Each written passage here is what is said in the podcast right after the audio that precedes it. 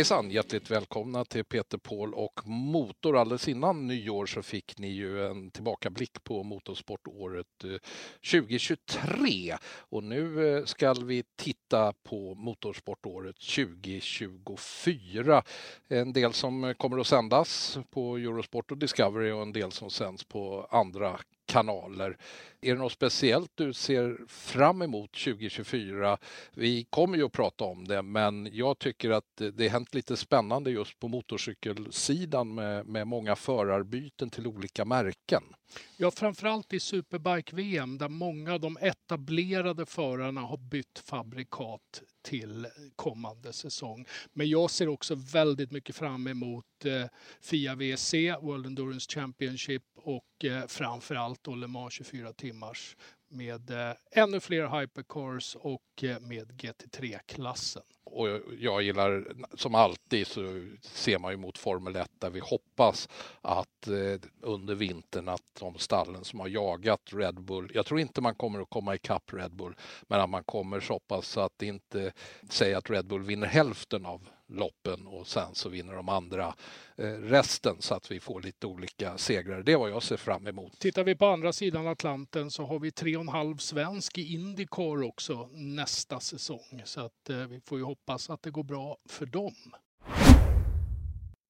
En av de serier som vi nog ser mest fram emot 2024, fast du och jag är ju då lite partiska, är naturligtvis Endurance-VM. Ferrari kom tillbaka, vann på Le Mans stor succé.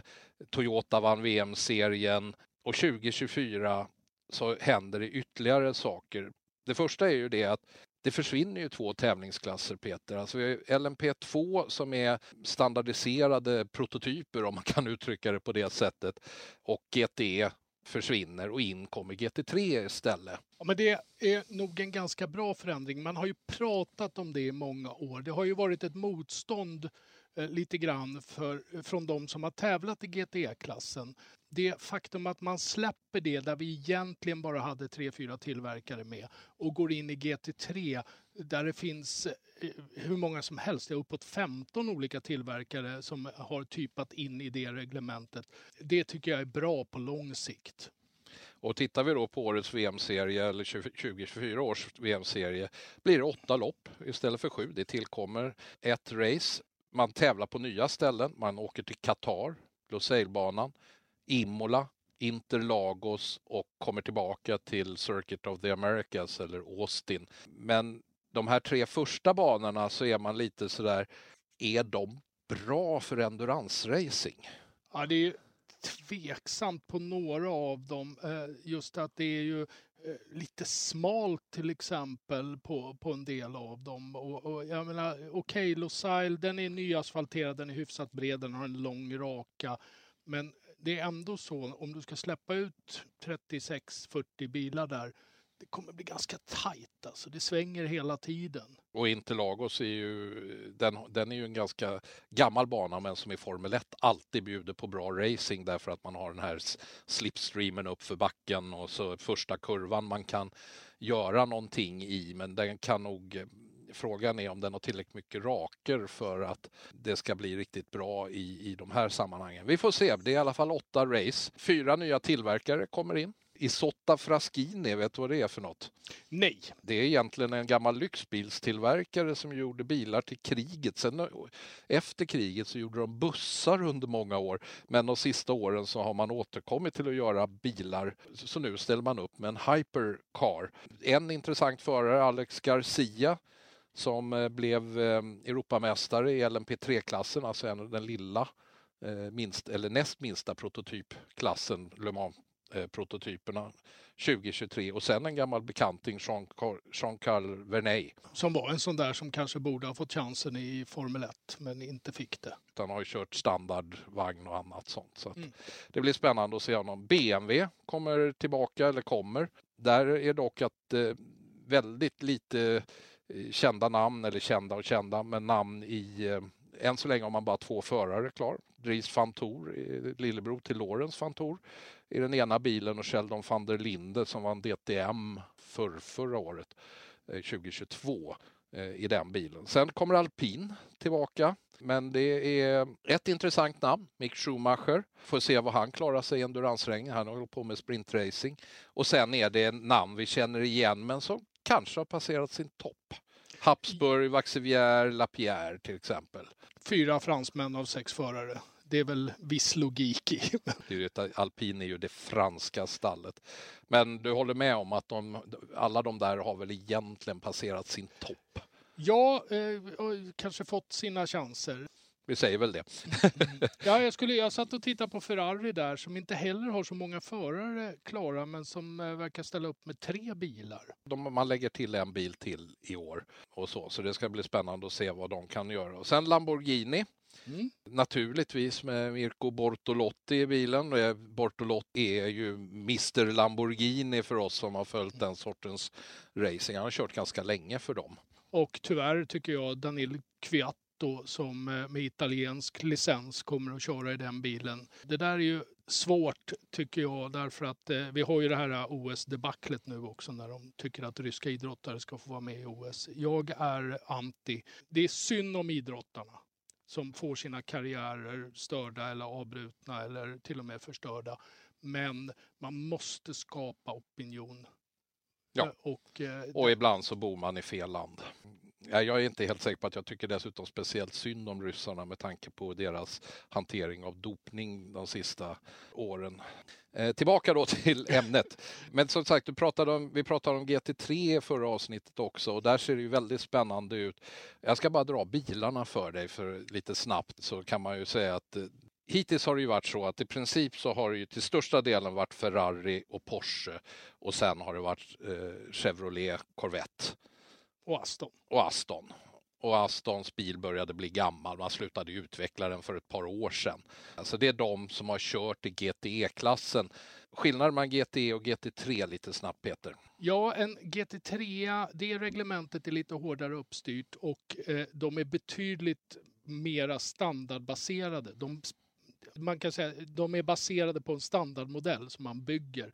GTE var rena racebilar. De kostade tre gånger så mycket som en, en GT3 gör. Och det finns många, många fler fabrikat som bygger GT3-bilar. Det har vi ju sett i den här Blancpain-serien till exempel som vi har kört. Och även då Nürburgring 24 timmars och Spa 24 timmars där man har kört GT3-bilar under 2024 så kommer vi se Aston Martin kommer med en ny bil, Vantage. BMW M4 där Valentino Rossi är huvudförare i bil nummer två. Ska bli spännande att se vad han kan göra på fyra hjul i ett mm, riktigt mm, högt sammanhang. precis ett race här bara i om det var slutet på november, början på december. Köra bil, det kan han. Mm. Det behöver vi inte vara oroliga för. Ferrari kommer med en, eh, ny modell, 296 an Det är ju en ny, ny gatbil. Jag tror man började tillverka den för två år sedan. Eh, en ny bil kommer se lite annorlunda ut. McLaren 720S, Lamborghini Huracan, den har ju varit med i de här sammanhangen i ganska många år.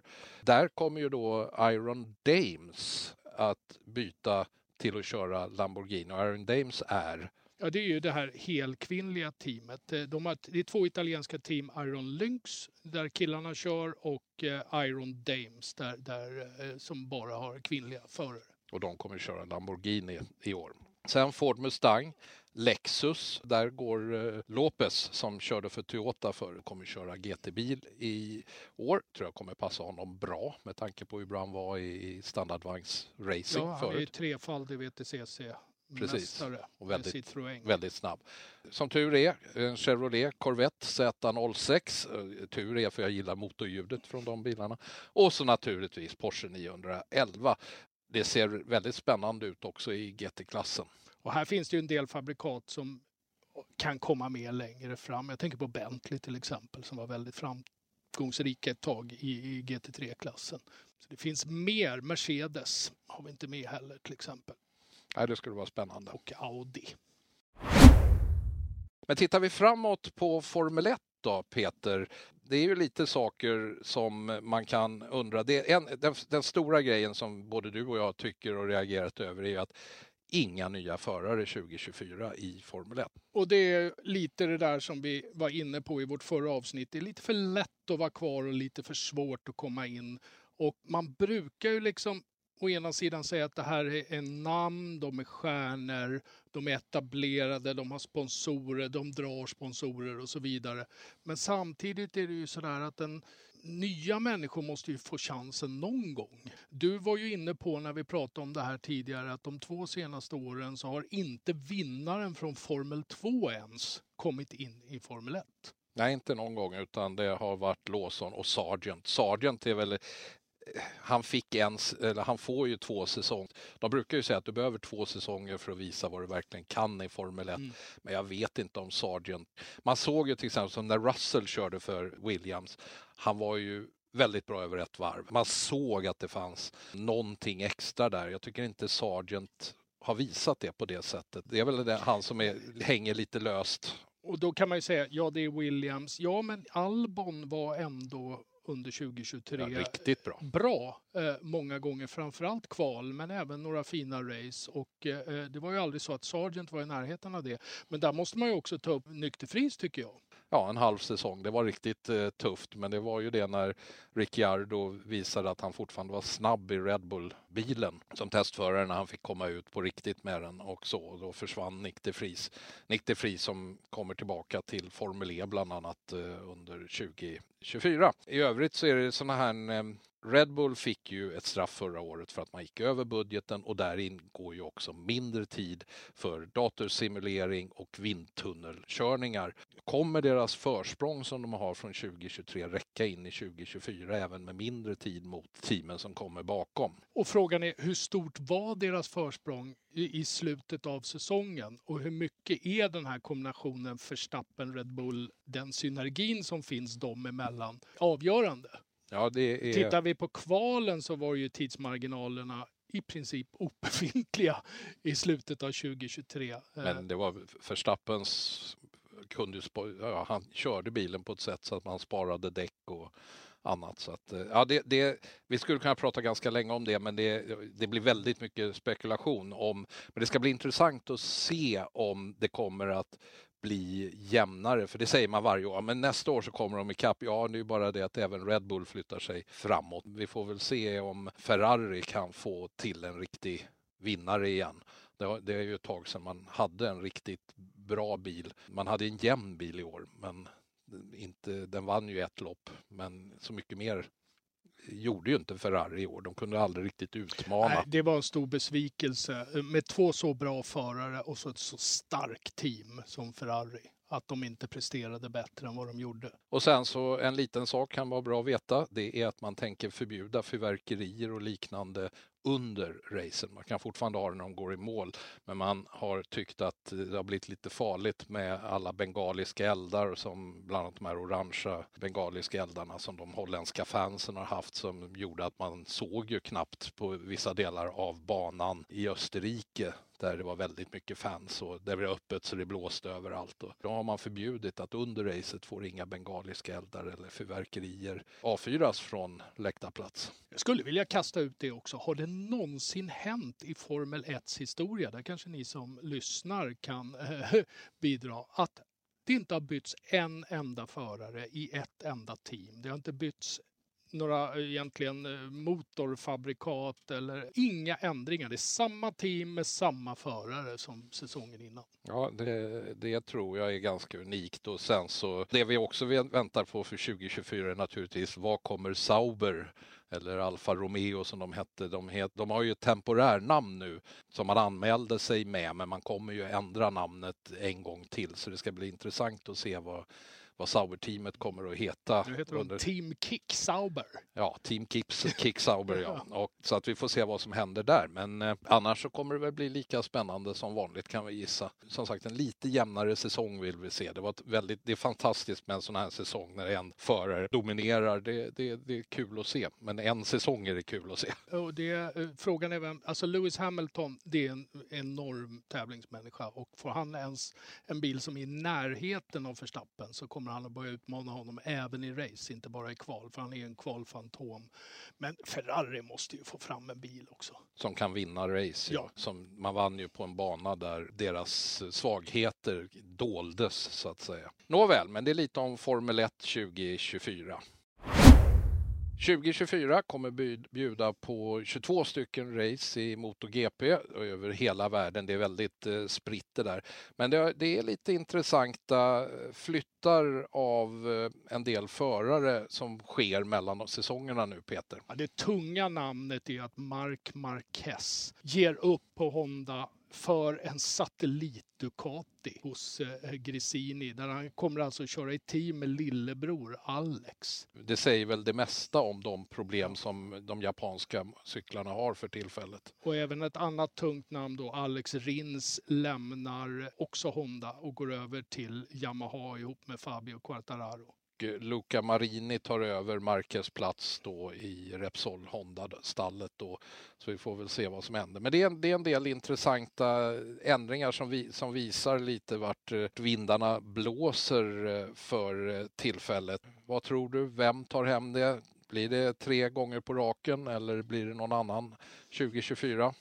Det handlar lite om utveckling. Hur mycket tyngd kommer Ducati lägga på utveckling till nästa säsong med tanke på att de har åtta cyklar i fältet och redan är snabbast? Kommer Aprilia, KTM och även japanerna kunna ta in lite på Ducatis försprång? Aprilia har vi sett kommit nära, men deras förare är nog lite för ojämna, eller har varit. Så att eh, du, du lämnar tipset vid eh, att någon Ducati-förare, det är inte så svårt att gissa när det är åtta stycken. Nej, det är en klar på. fördel för Bagnaia som ju åker fabriks-Ducati eh, tillsammans med Bastianini som ju hade en bedrövlig säsong efter att ha skadat sig redan i inledningen av säsongen. Så att eh, där är ju styrkan. Men vi såg ju att Jorge Martin som ju då kör likadan cykel fast i ett satellitteam ändå var med och utmanade hela vägen in i sista racet. Vi har en eh, e-postadress om ni vill komma i kontakt med oss. Peter, Paul och motor at gmail.com.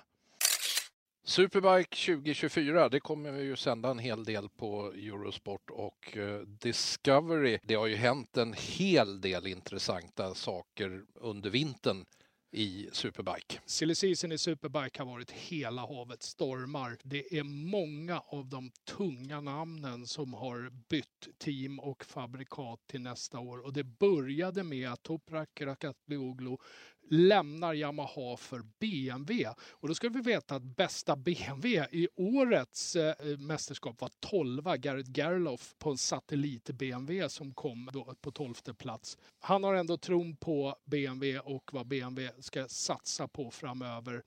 Eh, så att eh, han går över dit. Och det lämnade ju en Yamaha ledig som eh, Jonathan Rea snabbt eh, tog över. Så att, han har ju varit nio år hos Kawasaki. Ja. Så att eh, det är ju också en intressant förflyttning. Bassani har ju jagat den där fabriksdukatin bredvid Bautista och han får inte den nästa år heller eftersom eh, supersportvinnaren Bulega får den och då valde han att ta över Reas styrning i Kawasaki. Så att, eh, ja, det är verkligen eh, omrört i grytan där. Det enda stabila i toppen är Alvaro Bautista som, som regerande världsmästare fortsätter hos Ducati. Men eh, då ska man ju veta att eh, han är samtidigt också äldst i det där mästerskapet och närmar sig 40 med stormsteg. Ja, ungefär samma takt varje dag. Men Men Bautista är en, måste ändå stå som tipset för eh, ytterligare en VM-titel trots alla de här förändringarna. Ja, det är BMW. De satsar mycket pengar nu på eh, Toprak. Då är frågan hur mycket pengar satsar de på också att vinna mästerskapet? För det är ändå det det handlar om. Resurser ska vi säga, mer än pengar de har en, en väldigt bra plattform som de haft lite svårt att få till det där allra sista på. Bland annat då styvheten i chassit har varit lite för hård så att de uh, haft lite problem med däcken. Och det är därför Bautista också vinner långracen. Hans låga vikt personligen och uh, mjuka körstil som ju kommer i första hand från 250-klassen den gör det att han har bäst däck kvar i slutet av racen.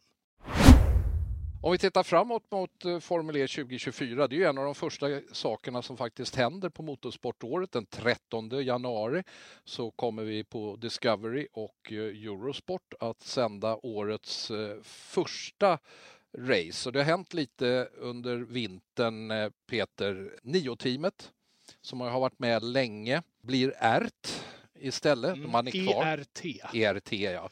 Vi kommer väl säga ärtan. Men nya ägare, nya investeringar. Sen har vi några eh, förare. Det är rätt mycket förarförflyttningar ska vi säga och folk som flyttar mellan teamen i år. Den stora grejen är väl att Mr Jaguar, Sam Bird, lämnar Jaguar och går till McLaren istället och ersätter René Rast där. Nick de Vries kommer tillbaka det är lite intressant därför att han går till Mahindra. Mahindra har ju inte varit bra de sista åren. De, de tappade bollen redan i slutet av Gen 2-eran och eh, har inte kommit igång med Gen 3-bilen riktigt. Eh, men nu har de ju en, en eh, fantastisk line-up för, för den kommande säsongen. Precis, för förutom Nick de Vries så har de alltså skrivit med Eduardo Mortara. De Vries och Mortara, du, du får inte mycket bättre än så i, i de här sammanhangen satt och tittade på om det var något annat team som egentligen kunde matcha de två. Det är väl tveksamt. Ja, Jaguar man... då med Cassidy och Evans kanske. Ja, och så DS Penske med Stoffel van Dorn och Jan-Erik Wern som inte gjorde sig själva rättvisa. Det är två av de vassaste förarna i det här mästerskapet och van Dorn har ju en, en VM-titel. Men i förra årets då eh, DS Penske så var de inte riktigt konkurrenskraftiga. Och sen så kommer Oliver Rowland tillbaka till Nissan. Sen händer en del när det gäller banorna. Eh, Kapstaden försvinner tyvärr. Ja, tyvärr. Det var ett eh, riktigt, riktigt bra race förra året tyckte jag i eh, Sydafrika. Och det blir lite flera banor. Jag tycker att styrkan hos Formel E, det är det här att man har möjligheten att ta racingen till publiken, köra mitt i världens storstäder. Och då ska man inte lämna det som i Rom till exempel tappar vi år och istället ska man köra på Misano som är en utmärkt bana. Men det är inte det som jag tycker är det bästa med Formel E. Även om jag har tyckt att racet i Rom, det känns som en sån här futuristisk 60-talsfilm för att det är totalt tomt utom på läktarna. Det finns inget sådär som märks, för det är något eh, sorts sån här områden med departement och annat så det är helt helt tomt när man kör där. Känns lite mystiskt. Man går till Misano till exempel. Jakarta försvinner också då efter ett år. På det positiva då, Tokyo kommer vi köra i, eller inte vi, de kommer att köra i Tokyo i år. Ja, det är jättekul, eh, verkligen. Och eh, vi ska köra i Shanghai. Ja, på The International Circuit, alltså Formel 1-banan. Men den får de ju korta. De måste hitta en slinga som är ungefär halva distansen för den banan är alldeles för lång. Mm, jag gissar att man inte åker över bron till exempel på den banan. Så vi får se vad som händer, men eh, det, det, ser ut, den nya bilen då, förutom utseendet, så känns den nya bilen som en riktig racerbil nu. Jag tycker möjligen då att med den högre effekten och de däck man använder och vikten och så vidare, kombinationen gjorde ju att vi såg att det här med attack mode fick minskad betydelse. Det var mera liksom när ska man ta kostnaden att aktivera attack mode än när ska man utnyttja fördelen av att ha attack mode. Vi får väl se, de ändrar ju det lite under säsongen. I början av säsongen hade de väldigt kort tid, bara fyra minuter total attack mode, men mot slutet av säsongen så gick de upp igen till då, som vi haft tidigare, åtta minuter. Och vi får se vad de gör i år med det. Ja, det beror väl lite på banorna som kommer att vara med det. Men det är lite om Formel E, alltså 13 i första om ni lyssnar på det här innan det datumet. Vi kommer att sända på både Discovery och eh, Eurosport. Rally-VM 2024, Peter, du och jag följer ju inte, någon av oss följer rally på det sättet. Men om vi tittar på 2024, det blir 13 race, men det är ett race som vi vill eh, säga några extra ord om och det är ju det som heter Rally Liepeja som har varit ett EM-rally men nu blir ett VM-rally och det tror vi kommer bli väldigt, väldigt spännande rally. det är ett, som jag minns det, eftersom vi kommenterade ju EM-rally, i alla fall jag tidigare, det är att just det rallyt var ju ett av de bästa på säsongen i princip bara grusväg, men väldigt snabba grusvägar. Så smala grusvägar med 200 blås i rallybil. Och eh, att göra det till ett VM-rally tycker jag är en lysande idé. Det som är lite oroväckande är att man har bara 11 anmälda bilar i, i högsta klassen i år. Det är, känns som att eh, man har lite problem. Tre tillverkare, 11 bilar. Det känns lite lite. Tittar vi på Indycar då för den kommande säsongen så är det ju för svenskt vidkommande så att samtliga förare har bytt team. Marcus Eriksson kör ju hos Andretti Global och innan någon får för sig att eh, ja, men Andretti Global ska ju in i Formel 1. Jag tror att när det väl sker, om det sker, så kommer nog Marcus anses vara för gammal tror jag för att få en av dem, utan han ska nog fortsätta sin karriär i USA. Linus är ju lite spännande. Han får ju chansen hos Chip Ganassi som kör med eh, Honda och eh, Felix går till Meyer Shank Racing där han får en väldigt intressant eh, lagkamrat, eh, Helio Castroneves, men han kör ju bara Indy 500 och eh, Tom Blomqvist. Ja, det är ett kul team. Eh, alltså det teamet har väl inte skrällt så mycket under de senaste två säsongerna, men de har ju möjlighet med den line-upen. Notera om Linus också att han faktiskt tar över Marcus bil, nummer åtta i Chip Ganassi Racing. Sen det, det som har pratats om en hel del under vintern är själva bilen är ju standardiserad och det som har skilt är då att man har haft två, eller man har två motortillverkare, Chevrolet och Honda. Och en av de sakerna som Penske lovade när han köpte serien för några år sedan, det var att han skulle få in en tredje, åtminstone en tredje tillverkare och kanske en fjärde. Det har han inte lyckats med och nu håller Honda på och glunkar om att de funderar då på att dra sig ur eftersom de hade räknat med att få mera konkurrens, inte mindre. Och, eh, så det ska bli intressant att se därför att den här serien tål ju inte att bli, tror jag, en helt standardiserad formelserie utan att det måste finnas, då måste man öppna upp chassit eller någonting för att... Ja, eller att däcken eller, eller något annat. Man måste ha en rivalitet i, i sporten. Så det får vi se vad som händer. Eh, men det är ju vid sidan av banan under 2024. Jag tror inte det skulle förstöra om Honda drar sig ur, men det skulle minska attraktionskraften hos Indycar. Det skulle inte vara bra för serien. Vi har ju sett det i Nascar tidigare till exempel när det bara var två fabrikat egentligen med i taget. Det var inte bra utan man behöver ha tre, fyra fabrikat med för att sporten ska leva. Tittar vi framåt på nästa säsong i speedway så eh, har vi tyvärr i nuläget bara Fredrik Lindgren som ordinarie startande från Sverige. Kim Nilsson lyckades inte ta en ordinarie plats. Han är för närvarande andra reserv, vilket eh, mycket väl betyder att han kan komma att få åka en hel del Grand Prix-tävlingar, men knappast full säsong. Fredrik Lindgren som är ju den som har kört flest GPn av de aktiva förarna. Säsongen består av 11 deltävlingar och sänds på Discovery Plus live och vi har en deltävling eh, 15 juni i Målilla i Sverige. Och det är någonting att se fram emot och sen så ska man väl deltävlingarna som är i Polen också. Det är ett fanatiskt intresse i Polen där man har traditionella arenor som, eller de är inte traditionella, men arenor som tar in 15 000 personer på ett speedwaylopp och då ska man ju veta att de som tar in mest i Sverige vid sidan av Målilla som kan trycka in väldigt mycket då ligger man ju på ja, en bit över 4 000 som till exempel eh, uppe i Hallstavik där jag, ute i Roslagen där jag bor. Det finns en hel del att se fram emot i alla fall under säsongen 2024. Ja, det där var lite kristallkula inför 2024. Inga stora löften om hur säsongen eh, kommer att eh, se ut. Det kommer att sändas en hel del på Eurosport och Discovery. Det kommer att sändas en hel del på andra kanaler också, men eftersom jag och Peter jobbar med att eh, kommentera på de kanalerna så kan vi rekommendera redan den 13 januari är första gången den här säsongen. Då är det Formel E, första tävlingen för säsongen som ni kan titta på. Men eh, 2024 kommer nog bli minst lika spännande som 2023. Absolut, och kanske bättre till och med. Det känns som att många av de mästerskap vi har pratat om här kommer att bli ännu jämnare nästa år. Och då tänker jag framför allt kanske på Formel 1 och MotoGP.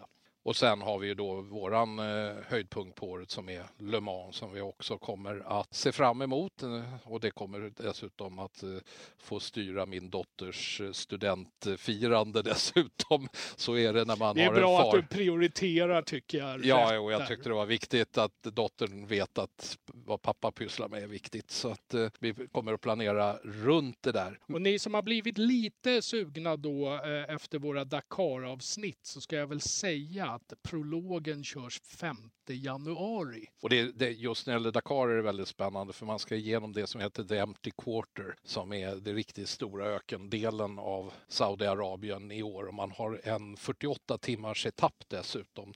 Man kör bara 70 mil på den här etappen men det kommer att ske under två dagar. Och med det så önskar vi er en eh, god fortsättning och att eh, vi kommer att Eh, höra av er under 2024. Ni kommer att höra av oss definitivt i den här podden och även på Eurosport och Discovery. Men eh, tills nästa gång, ha det så bra. Hej då!